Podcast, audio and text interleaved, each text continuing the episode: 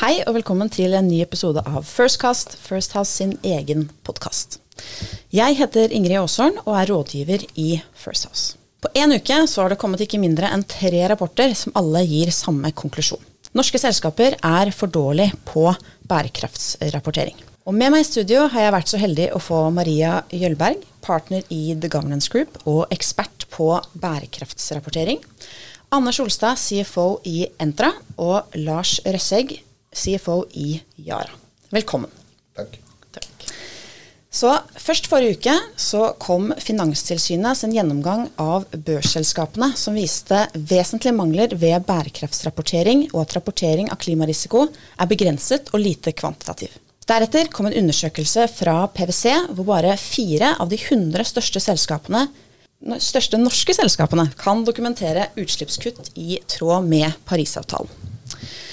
Og på onsdag så kom The Governance Group sin rapport 'Bærekraft på børs', Maria. Og hva viste den? Ja, eh, vi har gjort en eh, gjennomgang av hva de 100 største selskapene skriver på, om bærekraft. Eh, og eh, vinklingen der har vært å finne tall som teller. Eh, og da et litt mer finansielt eh, perspektiv. For bærekraftrapportering har jo hatt en liten sånn reise fra mer Timotei-reklamestil eh, til litt mer harde fakta. Eh, men det er fortsatt sånn at det er ganske mye mer kvantitet enn kvalitet, i hvert fall sett med finansøyne når du skal bruke denne informasjonen til å ta større beslutninger. Eh, så Formålet med, med, undersøkelsen var å se hvordan ligger dette an. og Vi ser jo at det har vært en veldig stor forbedring i rapporteringen de siste tre-fire årene, kanskje. Men det er jo fortsatt sånn at uh, du ikke nødvendigvis har en bærekraftig forretningsmodell, selv om du skriver mye om hvordan du jobber med bærekraft. Den uh, problemstillingen har man jo ikke helt klart å rapportere seg bort ifra. Og dette var tredje året dere lanserer rapport?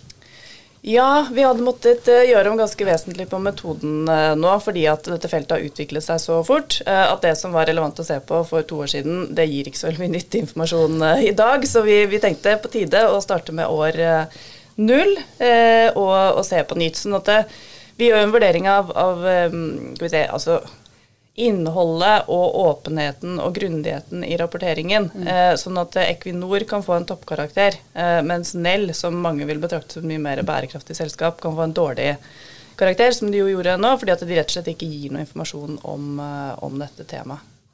Og I tillegg i år så, så dere også på EU-taksonomien og på hvordan selskaper er rusta til å posisjonere seg i den grønne omstillingen. Ja, med litt uh, variable funn, kan man vel uh, si. Altså dette uh, Taksonomien fra EU det er et klassifiseringssystem for å avgjøre hva som kan regnes som bærekraftig økonomisk aktivitet. Mm. sånn at det er jo da en, en, ganske omfattende gjennomgang som skal til for å vurdere om selskapet vil kvalifisere eller ikke. Spesielt litt mer blandede porteføljer, da, sånn som Entra f.eks. Kan sikkert si litt mer om det seinere. Um, vår hensikt her var å se om selskapene gir informasjon som vil være nødvendig å ha for å kunne gjøre den vurderingen, ikke hvorvidt de vil måte, bestå den grønne testen fra Brussel. Ja. Mm. Uh, og Lars, mange vil jo kanskje tenke at uh, bærekraft og ESG altså Er det, er det CFO-en som er riktige personer å ha i studio da? Men vi har jo snakket litt om at uh, bærekraftsrapportering har gått litt fra litt flåste sagt barn som løp litt dansende over en eng, til nå snakke om harde tall og fakta. hvorfor mener du at det er riktig at dette ansvaret skal ligge hos CFO? Jeg tror vi må over til å definere hvordan vi måler verdiskaping. Um, Regjeringen la fram sin nye eierskapsmelding i desember i fjor. Den hadde tittelen 'Bærekraftig verdiskaping'. Jeg syns det var en veldig god tittel. Og fra finansperspektivet så handler det om å måle verdiskapning da på tvers av uh, alle dimensjonene. Altså Jeg tror at uh, aksjonærverdien er mye tryggere hvis vi klarer å integrere det som går på mangfold, det som går på uh, bærekraft bredere, det som går på miljø, med mer tradisjonelle finansielle parametere. Anders, har du noe å tilføye der? Ja, vi, altså, vi, for oss lå rapporteringen på kommunikasjon for en seks års tid siden. og Da flyttet vi det over til CFO-avdelingen. Og Det var primært drevet av én, eh, å komme nærmere på investorene og se måtte, den sjargongen og dialogen som investorer og finansmarkedet bruker. Eh, og det andre er at du ønsker kanskje noe mer substans inn i rapporteringen enn en eh, historier. Og Kommisjonsavdelingen er jo flinke til å bygge historier, eh, men det man trenger er, hard substans. Og, det, og I tillegg så så vel vi at vi fikk en del mer gjennomslag i hva vi faktisk skal gjøre når også rapporteringen lå i CFO. Fordi at CFO-avdelingen eller eh, finansdirektøren som, som egenskap av en stilling har mulighet for å presse gjennom en del tiltak. Og, og det, det, har vi sett at det har fungert godt i, i Entra. Jeg, jeg syns det er et veldig godt poeng eh, Anders har der. altså Finansfunksjonen altså, Jeg er heldig å ha en fantastisk finansfunksjon, og det har veldig mange selskaper. Det er en utrolig kraftig muskel i det å kvalitetssikre, det å få tallmateriale og sørge for at dette blir et faktagrunnlag som du kan være transparent på, som du konsistent kan måle over tid, eh, og som du da kan bruke som et beslutningsgrunnlag som er kvalitetssikret. Og Det går på, går på funding, eh, hvordan du tenker rundt det. Det går på internkontroll, risikostyring. Få det inn i alle de kjerneprosessene. Hvis jeg bare får legge til også, for eh, Vi så en veldig endring i forhold til investorene etter Q2 2017. Jeg husker Da var vi på første investormøte, og så tok vi en runde til London og Amsterdam, hvor det er de store eiendomsfondene sitter. Og det var første gangen vi virkelig ble kjørt på eh, ESG-temaer. Og vi ble spurt om fossilfrie byggeplasser, og det var eh, Vi satt og lurte på hva i verden er det som skjer nå? Og det er klart, hvis ikke CFO-ene og IR-funksjonen har den kontakten med, med, hva som skjer i selskapet, som du, du trenger for å gjøre en god rapport, så, så tror jeg også man, man uh, er skjevt ute og kjører. Altså. Og det, den får man med å sitte med ansvaret for det. Så kan du si at vi har sett altså, Investorenes krav og politikernes mål de har blitt mye strengere og stadig tøffere. og Det er stigende forventninger også både fra kunder og fra ansatte i hvordan selskapet skal hvordan selskapet skal jobbe på, på, bærekraft. Er det noen andre milepæler vi tenker vi har sett de siste årene, som har endret hvordan man tenker at næringslivet jobber og, og tenker rundt uh, klima og bærekraft? Ja, så jeg tenker at denne eh, lanseringen med, av et anbefaling med verdens verste forkortelse, TCFD. det står for uh, Task Force on Climate Related Financial Disclosures. Det er en anbefaling på hvordan selskap skal redegjøre for hvordan de håndterer klimarelatert risiko. Mm. Eh, den er utviklet av eh, Michael Bloomberg og Mark Carney, altså sentralbanksjefen i Storbritannia. De har en litt annen inngang til eh, og tillit i næringslivet. Så, så, jeg ser at etter det så, så forståelsen for at klimaendringer ikke bare handler om at været endrer seg, det handler om at reguleringer endrer seg, teknologi endrer seg, investoratferd endrer seg. Uh, og hele det spekteret der, og at det stiller ganske sånn grunnleggende spørsmål rundt hvordan skal vi tjene penger i 2030. Mm. Uh, og det er det mange som ikke helt uh, har det gode svaret på. Men når det spørsmålet ligger hos kommunikasjonsdirektøren, hvis rapportering og bærekraft havner i den linja, så har du et litt sånn dårlig utgangspunkt i en konsernledelse, i hvert fall av min erfaring. fordi at diskusjoner rundt eh, må vi øke fornybarinvesteringene våre, den, den, må føres fra finans- og teknologisiden, og ikke, ikke kommunikasjonssiden innad i et selskap. Ja, um, jeg syns jo TCFD, um, uh, som uh, man etter hvert har lært seg å si fort, er en, er en innmari bra sånn rettesnor. Og det, det, svarer litt på det, i hvert fall en start på det. altså Når det gjelder det finansielle, da, regnskapssiden, så har du hatt IFRS. Og det er eh, for en finansfunksjon veldig trygt og godt. For der står det ganske godt beskrevet eh, hvordan du skal tenke, hvordan du skal gjøre ting. Her er det mye mer flyktig. Og det å få det litt inn i flere rammer eh, er ekstremt nyttig. Eh, men så har jeg lyst til å si at når vi snakker da om bærekraftig verdiskapning, så, så skal vi ikke altså, Det er en forutsetning for å kunne være bærekraftig over tid at man også er lønnsom. Så du må ha med Det det er ikke sånn at vi ikke skal tenke lønnsomhet. Eh, tvert imot. Det er bare det at det er ikke et motsetningsforhold. For det med TCFD så gikk vi vel egentlig fra at istedenfor at du klassisk rapporterer på hvordan selskapet ditt påvirker klima, så skulle du også rapportere på hvordan klima påvirker ditt selskap. Eh, for å se på hvilke beslutninger du bør ta, hvordan det da vil påvirkes eh, lenger frem i tid.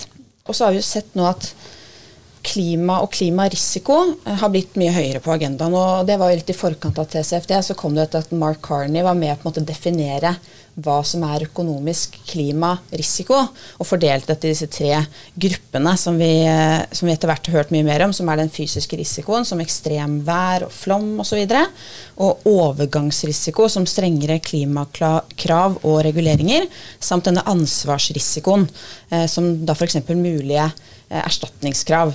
Eh, og det har jo økt, mener jeg, i veldig stor grad hvordan man ser på hvilken økonomisk risiko som ligger i klimaendringene, og hvordan disse endringene kan slå inn på, på hele forretningen.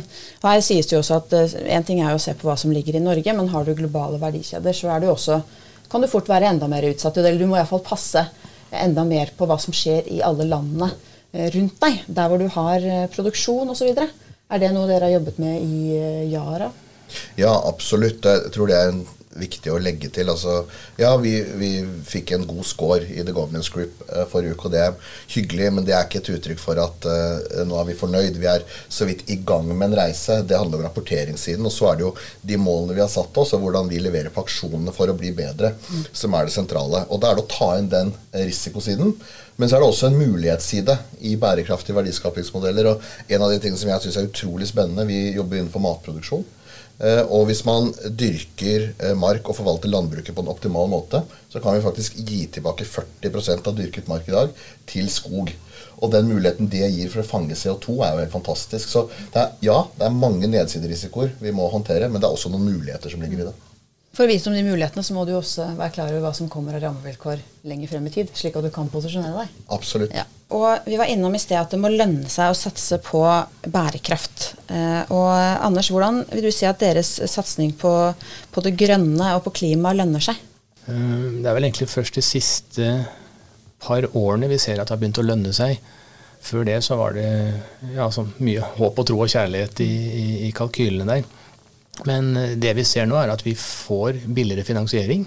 Eh, vi ser at, Og det kommer bare til å eskalere. Det, det siste nå var faktisk eh, SEB, som er vel den mest frempå banken, eller i hvert fall den banken som ligger lengst foran i Norden på, på miljø- og klimaforhold. Og de setter nå klare krav til, i henhold til EUs taksonomi på hva de definerer som grønne banklån. Og en ting er at er, Nå er de litt billigere, men klart om noen års, års tid så, så, betyr det at selskaper som ikke er grønne, jeg tror ikke de kommer til å få lån, rett og slett. Og hvis de får, så er det i hvert fall ekstremt mye dyrere enn hva vi ser i dag. Så der er det en, en voldsom endring som vi er måte, nå helt i startfasen av. På egenkapitalsiden så ser vi det åpenbart at vi får billigere, eller vi er mer attraktive som, som investeringsobjekt. Vi ser at leietakerne våre, noen er interessert i å betale mer for å, for å bo i et miljøbygg. Men det er eh, foreløpig ikke svært mange. Jeg skulle gjerne sett at særlig det offentlige hadde satt krav til, eh, til de byggene de sitter i. Det gjør de ikke i dag. Eller i hvert fall i veldig liten grad. Og der er det pris, pris som gjelder. Men det, det, det kommer. Uh, I tillegg så ser vi, og det, er vel liksom ikke hard side, er at vi får veldig stor interesse, særlig blant unge mennesker, for å komme og begynne å jobbe i Entra. fordi at de assosierer vårt selskap med, en, med, noe som er bra, noe som tenker på fremtid, noe som tenker på miljø. Mm. Og, eh, så vi har fått en kvalitet på de nyansatte nå som, som vi ikke så tidligere. Ja, jeg, jeg, tror det du sier på, på kapitalmarkedene der er ekstremt viktig. Vi, vi, gjorde en sånn såkalt RCF, da Revolving Credit Facility, i fjor. som vi linket da eh, rentenivået eh, til CO2-intensiteten vår. og Den type instrumenter ser vi at kommer mer og mer. Men så til det med å, å være attraktiv som arbeidsgiver og, og, det å på en måte posisjonere seg overfor stakeholders. Altså Ja, eh, som finansfunksjon så kan vi gjøre mye på måling og rapportering, men, men, men det må bygge på at det ligger en misjon og en strategi i bunn som har et bærekraftig utgangspunkt. Eh, hvis du skal klare å drive gjennom en sånn endring. Så jeg tror det er en forutsetning for at det skal fungere. Bygg er jo langsiktig, og de står her over eh, mange mange år. Eh, Anders. Hva, altså EU-taksonomien og denne klassifiseringen, hvilken betydning vil det ha for dere Jentra? Vi har jobbet med miljø ja, godt over ti år nå. Eh, og det ble gjort en del konkrete og modige valg for ti år siden, hvor man sa at her skal man satse på miljø, og vi håper og tror at det kommer til å kaste av seg. Det vi ser, er at taksonomien endelig kommer det noe, synes vi, som kan faktisk drive hele markedet. Ikke bare oss børsnoterte, mm. som, som, mange tror. Men det kommer til å endre hele eiendomsmarkedet, også for, for vanlige familieeide, privateide eiendomsselskaper. Og, og, det går på finansieringen. Så altså det er to måter man kan endre en, kan en bransje på, sånn som vi ser det. Det ene er på at kundene må etterspørre det. Og hvis kundene setter krav, så, så vil også vi levere på det. Foreløpig er kundene ikke de som driver det, det er selskapene selv. Og det andre er det kombinasjonen av regulatorisk og finansiell. Og det er klart Når Finanstilsynet setter krav, når EU-taksonomien setter krav, når bankene eh, som, som, låner ut penger setter krav, så vil også bransjen endre seg. Så det, det, det, er, det vi ser nå, er bare starten på, på en, en, en, voldsom endring eh, som i hvert fall når man snakker med ulike mennesker, få har fått med seg kommer til å, kommer til å skje. Vi var innom Finanstilsynet. Maria, hvilken betydning tror du det har at Finanstilsynet nå setter dette på agendaen? Alle blir jo litt nervøse når Finanstilsynet reiser seg i stolen. Så, så, det i seg selv har jo en, en litt akselererende effekt. Eh, altså de har jo fått eh, klimarisiko tydeligere inn som en del av sitt mandat, som de da skal følge opp eh, aktivt. Eh, så har de brukt litt tid på å komme i gang, men nå var de i gang da med en, eh, en undersøkelse av rundt 200 børsnoterte selskap. Eh, og de skal jo også opp, følge opp klimarisikoeksponeringen til de ulike finanshusene rundt omkring. Så de har jo ganske omfattende arbeid å å gjøre. Så jeg tenker at det, det, seg meg i seg selv. Det var ganske mange som eh, ringte og var litt sånn nervøse på rare tidspunkt i døgnet. Eh, da det kom rett før, eh, før sommeren. Så, så, jeg tenker at det, det, gir en annen legitimitet og, og tilgang inn da, internt i de interne diskusjonene, og det er ganske viktig i denne, denne settingen her. Jeg tenker også i forhold til taksonomien at det er nok få som har tatt inn over seg hvilke endringer det kommer til å medføre i, i praksis. For det her er en sånn vekselvirkning mellom sant, det eh, finansdirektørene her eh, sier om at det begynner å knyttes opp til lånebetingelser, attraktivitet i markedet, kapitalkost osv. Eh, og så får det reguleringer som på en bedre måte på en måte sjalter ut eh, de som er eh, fake green. Eh, og det er jo litt sånn nå at du putter liksom en teskje grønt i røra, så kan du kalle hele kaka for, for grønn i en del settinger. Når det begynner å knytte seg penger, reelle penger opp til det, så, så, er jo ikke det en farbar vei lenger. og Derfor kommer også disse innstrammingene her, både fra EU og Finanstilsynet osv. For at nå begynner det å bli reelle penger. Jeg vet ikke hvor mange årsverk jeg har kastet bort av mitt liv på å diskutere om bærekraft lønner seg eller ikke. Musikk i mine ører i dag, og høre at den diskusjonen er vi endelig ferdig med, i hvert fall i den mer avanserte delen av befolkningen. Anders? Ja, Det er jo hyggelig å bli klassifisert som en avansert del av befolkningen. Eh, men eh, en ting jeg glemte å si i stad om taksonomien, er jo at det vi har slitt med de siste par årene, er at det er et uendelig antall rammeverk og standarder man kan rapportere på. Hadde vi fått en tier for hver forespørsel vi får fra en eller annen sånn alt fra fremtiden i våre hender til en utenlandsk organisasjon, og rapportere på deres standard, så ville vi vært, ville vi vært svært rike. Det vi håper nå, er at taksonomien vil være å sette et, et generisk rammeverk som alle, som alle, kan bruke, slik at vi slipper disse her multiple rapporteringene på, på alle verdens standarder. Det, for det, det, bruker vi masse tid på, og det bringer ikke verden særlig fremover. At hver eneste organisasjon skal ha eget, eh, sin egen standard. Men vi har snakket om EU-taksonomien, eh, e eller taksonova for noe, Maria, som dere, som dere, kalte det for lanseringen av deres rapport. Er det, no, hva, er det, noe annet vi kan forvente oss av EU i årene som kommer, som norske selskaper burde være klar over allerede nå? Jeg tror det er nok å følge med på de rundt 1000 sidene som allerede eksisterer fra Brussel eh, rundt taksonomien. Men, men de gjør jo en eh, en kjempeinnsats på å på en måte stramme til eh, kapitalflyten i EU. Det er det som er ambisjonen deres. Dreie kapitalflyten fra brunt til, eh, til, grønt. Og så bruker de alle tilgjengelige virkemidler, og de er relativt gode på å spotte hvilke virkemidler som vil eh, vil slå til. Eh, og for som en gammel statsviter så har jeg lært meg at ting går ikke så fryktelig fort i Brussel, så man kan ta det litt rolig eh, og følge med sånn en gang i kvartalet. Sånn er det ikke lenger. Det går eh, ekstremt fort. Alt det som er knytta til dette med sustainable finance i, i EU. Så det er ikke lenger som å se maling tørke. Nå er det ganske mye action som får store konsekvenser for, også for norsk næringsliv. For all denne, alt dette lovverket er også EØS-relevant. Og Vi var jo eh, innom det litt tidligere i, i, sendingen, men det er jo ikke sånn at selv selv, selv selskaper som leverer det vi kan kalle grønne, klassiske grønne løsninger, eh, så kan også mangelfull rapportering gi en dårlig ESG-rating, og da slå negativt ut på tilgangen til til uh, tilgangen til og prisen på kapital til selskapene. Uh, for mange har jo tenkt at oh, ja, men liksom Yara og Entra er ikke det liksom typiske grønne selskaper. og Det er ikke rart at de scorer bra på en sånn type rating. For det glemte vi å si. Gratulerer til begge to med, med, med meget god plassering på, på, The Governance Group sin, sin, rangering. Men hvorfor er det, Maria? Altså, hva er det som gjør at ikke disse typiske grønne selskapene automatisk scorer godt på en sånn type rapport? Eh, nei, Det kommer rett og slett an på hvor mye informasjon du gir offentlig tilgjengelig. Og Hvis du sier vi produserer hydrogen, det er grønt, ferdig, men du sier ingenting om hvordan den produseres, og hvilke energikilder, eh, i hvilke områder av verden, er det noe menneskerettighetsproblematikk, hva slags type leverandører og partnere jobber dere med, hvordan håndterer dere korrupsjonsproblematikk, myndighetspåvirkning osv. Eh, gir du ikke ut noe informasjon om dette her, så eh, en ting er at ikke vi på en måte gir deg noe god karakter, men, men også alle disse ESG-ratingbyråene de gjør sine ratinger uh, utelukkende på offentlig tilgjengelig informasjon. Ligger det ingenting, så får du en dårlig rating og en høy risk score der. Og dette er informasjon som kjøpes inn til Bloomberg-terminaler og alle mulige andre former for dataanalysegrunnlag da, for, uh, for, investorer og kapitalmarkedet generelt. Så sier du ingenting, så, så får du en dårlig rating uh, der. Selv om du kan ha et grønt og flott produkt og et ansvarlig selskap på alle måter.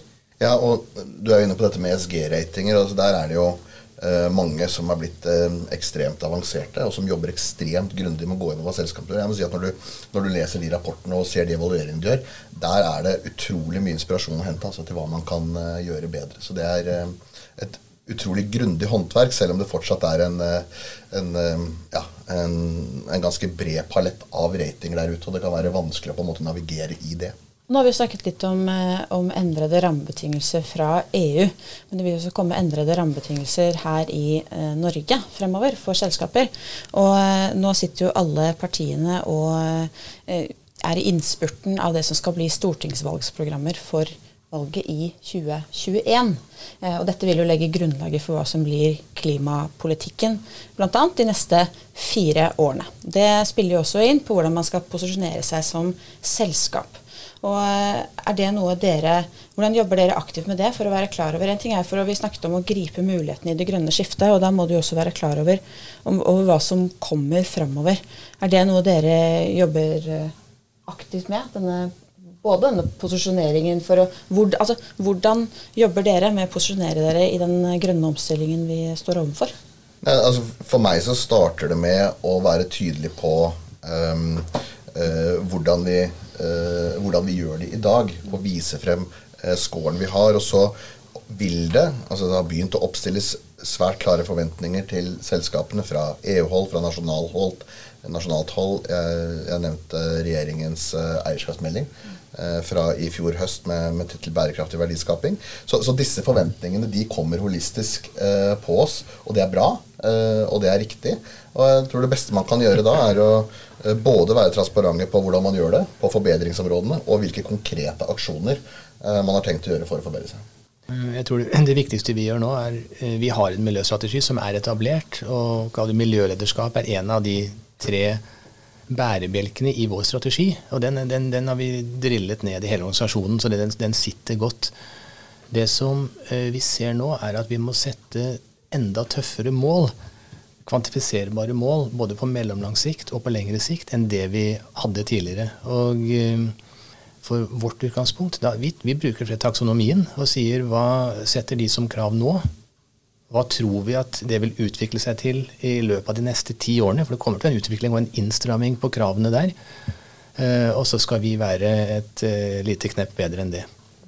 Eh, så Som et eksempel så EU eh, e setter som krav at våre bygg skal være blant de topp 15% mest energieffektive byggene i det området du er i. Det er ganske krevende når du har en blandet portefølje av Vi har mye nye bygg, men vi har også en del gamle, gamle fredede bygg som det er vanskelig å gjøre noe med. Så hvordan skal vi måtte vri rundt porteføljen vår for å få den innenfor de kravene? Og det er, eh, Så jeg tror dette er å, å, å sette sette en retning. og Vi snakket litt om hvorfor kommunikasjon kontra CFO-området. Det å sette harde, kvantifiserbare mål, det, det, gir en retning som, vi, som, er viktig for selskapet. Så det, det, kommer vi til å bruke deler av høsten på nå. er å sette, Dette er våre krav. 2025, 2030 sannsynligvis. Og så vil nok det være For første gang på lenge så kommer vi til å se at nå må vi gjøre en avveining mellom kortsiktig lønnsomhet og miljøledende bygg. Og eh, hvor jeg tror at vi kommer til å si at vi skal ikke bygge nye bygg eller rehabilitere bygg som ikke vil være miljøledende. Og det er, Vi bruker en milliard halvannen i, i året på, på, på, dette her. Ja, jeg har bare lyst til å eh, legge til helt til, til slutt på det. Altså, vi snakker mye om finansavdelingen og kommunikasjonsavdelingen. Ja, finansavdelingen har en fantastisk muskel i å få opp fakta, men, men, men, kommunikasjonsavdelingen gjør en fantastisk jobb. Og jeg mener det er vår plikt å sette de i stand til å gjøre en optimal jobb og ha et godt faktarunnlag. I går så kunne vi lese at, eh, at eh, konsernsjef i Storebrand, eh, Odd Arild Grefstad, sa at grønnvasking kan unngås ved å stille tydelige krav til bedriftenes rapportering om klima og bærekraft. Og han ga to oppfordringer til statsminister Erna Solberg og finansminister Jan Tore Sanner. Han sa både still krav i krisepakkene og gjør rapportering på klimarisiko obligatorisk for de selskapene som får krisestøtte og innfør EUs regelverk knyttet til klassifiseringen av bærekraftig økonomisk aktivitet så raskt som mulig. Han mente at hvis ikke man gjorde dette, så risikerer Norge og norske virksomheter å sakke akterut og miste sin konkurransekraft. Maria, har du noen kommentarer til det? Jeg tror man skal være forsiktig med å kommentere for mye på disse krisepakkene. Det er jo liksom mine, mine felt. Men det, å, det er den type diskusjoner vi ser hele tiden. Skal det knyttes grønne krav opp mot større finansielle grep? Eh, og at det er ikke bare ut fra måte, et miljøvernhensyn, men ut fra en, en, det å øke tempoet på omstillingsevnen i, i norsk næringsliv. Og den tanken tror jeg absolutt bør få blomstre mer. Jeg tror også det er nyttig at man eh, legger seg på EU sin taksonomispor framfor å komme med noen egne nasjonale krav. For man kan ikke drive folk til vanvidd med alle mulige slags eh, nasjonale, regionale, globale rapporteringsstandarder. Så der det er mulig å harmonisere, så tommel opp til, eh, til det. Forslaget er jo, syns jeg, godt, godt og riktig, men det kommer allikevel. Altså, dette, vil, dette, vil, bli presset gjennom norsk næringsliv, gjennom finan bankenes finansiering. SEB er de første. Og det er klart DNB, Nordea, Handelsbanken, Swedbank osv., danske, de kommer etter. De er alle børsnoterte. De, de, må selv rapportere på taksonomien, og da vil de presse det gjennom i sine, sine lån. Så jeg er faktisk ikke så bekymret for om det kommer egne norske regler som skal tvinge dette gjennom. For dette, her, dette vil kapitalmarkedet sørger for. Og kapitalmarkedet er særs effektivt for å, å gjøre dette her. Uh, Egenkapitalmarkedet, altså forvalterne, skal begynne å rapportere på allerede neste år. Men selskapene har ett år til, så vi får en litt artig situasjon der. Hvor fond, de som eier aksjene våre, skal rapportere på noe vi ikke er forpliktet til å rapportere på. Så det betyr at vi også må rapportere raskere, sannsynligvis. Men det, dette, dette, kommer til å skje. Helt uavhengig også av, av, av norske myndigheter. Så igjen, vi oppmuntrer jo til norske myndigheter til å gjøre det, sånn som Adari sier. Men eh, det, denne bølgen kommer. Det hjelper ikke, Du kan ikke stå imot, eller da blir du skyldet på stranda. Ja, bare for å understreke det. altså Taksonomien får en litt sånn GDPR-effekt. altså Selv om det er et europeisk eh, system, så allerede amerikanske kapitalforvaltere begynt å kjøre piloter på sine porteføljer for å se hvordan det vil slå ut. Eh, sånn at det her blir en, en standard som vil gå langt utenfor for EU, så jeg tror ikke vi skal bekymre oss for at uh, Norge klarer å snike seg unna, unna, den. Den kommer allerede inn gjennom uh, kapitalsiden nå, selv om myndighetene kan bruke lengre tid. Vi skal gå inn for landing, men siden vi har eksperter her, og vi har selskaper som har gjort det meget bra og jobbet langsiktig og godt med dette, så tenkte jeg det var greit å få noen tips og råd til selskaper som vil legge en strategi for bærekraft og gripe mulighetene i omstillingen her. Ja, jeg kan, jeg kan begynne. Jeg tror det er viktig altså Vi har som misjon 'Responsibly feed the world and protect the planet'. Det ligger i bunn. Jeg tror det er ekstremt viktig at du lager en bærekraftig strategi, og ikke en strategi og ved siden av det en bærekraftsstrategi. Du må begynne der, og så kan du bygge disse andre tingene oppå. Hvis du prøver å bygge uh, de andre elementene, målelementene og sånn, uten å ha det fundamentet, så tror jeg det blir ekstremt krevende. Helt, helt enig som Lars sier der. Um, I tillegg så ser vi at denne integrasjonen av beslutninger mellom som er bærekraftsbeslutninger og vanlige forretningsmessige beslutninger, den, den er veldig viktig. Og vi har f.eks. gjort slik at når vi bygger et miljøbygg, så har vi noe lavere kapitalavkastningskrav til den investeringen enn vi ellers ikke har, som et, som et lite eksempel. Eh, og så tror vi veldig på at vi må bygge insentivsystemer i organisasjonen som er kvantifiserbare, og som også omhandler miljø. Så igjen, vi har i vårt bonussystem da, for, for, alle ansatte så har vi lagt inn da energiforbruk og avfallssortering som to veldig konkrete KPI-er. som man når eller ikke når, og dermed får man hver enkelt en uttelling på, på det i lommeboka etter, etter endt år. Og selv om vi har en sosialdemokratisk profil på vårt bonussystem, så, så er det jo Det spisser organisasjonen. Og hvert kvartalsmøte, når vi har allmøte, så går vi gjennom hvor står vi nå på disse KPI-ene, herunder miljø. Og da får du dratt organisasjonen i en, en god retning. Og så er sikkert KPI-ene er de, er jo ikke de beste. Det er ikke altomfattende, men det, de, de, de spisser organisasjonen. Det er det vi er opptatt av, at vi skal få en handling. Og så er det det som, som Maria også var inne på. De selskapene som ikke har lest EUs taksonomi, de må sette seg ned og, og, og, gjøre det. For dette her, det kommer, og det gjelder børsnoterte først og fremst. Men to uker etter kommer det til å treffe alle private. Så hvis man ikke er forberedt på det, så, så stiller man, eh, da stiller man et stykke bak i køen. Ja, kan du slutte meg til den konklusjonen. Jeg tenker at Det viktige er altså å få eh, finansdirektørene på banen. For det her dreier seg, den taksonomien dreier seg egentlig bare om ett eh, tall, og det er den grønne brøkken. Hva er andelen omsetning i selskapet eh, som kvalifiserer som grønt? delt på den totale omsetningen i selskapet. Så det er ett tall, og så en strekk, og så et uh, tall til. Og så et liktegn. Og det pleier dere å være gode på å, å regne ut. Og det er, det er, kommet til det nivået av kvantifisering nå, og da må man gjerne ha kommunikasjonsavdelingen med for å formidle det ut, og også formidle det internt. men du må ha det faktagrunnlaget på plass. Så oppsummert så anbefaler vi folk å lese taksonomien Eh, å ha en eh, strategisk tilnærming til dette, og at her kreves det langt mer enn et pent innpakket eh, grønt budskap og noen gode grønne slagord. For her står det verdier på spill, og da må det gjøres en grundig jobb med dette. Så det, dette blir spennende å følge med på videre. Her kommer det til å skje mye. Og jeg ønsker lykke til med det videre arbeidet på et viktig felt. Tusen takk for at dere kunne komme i studio. Og så sier vi takk for oss.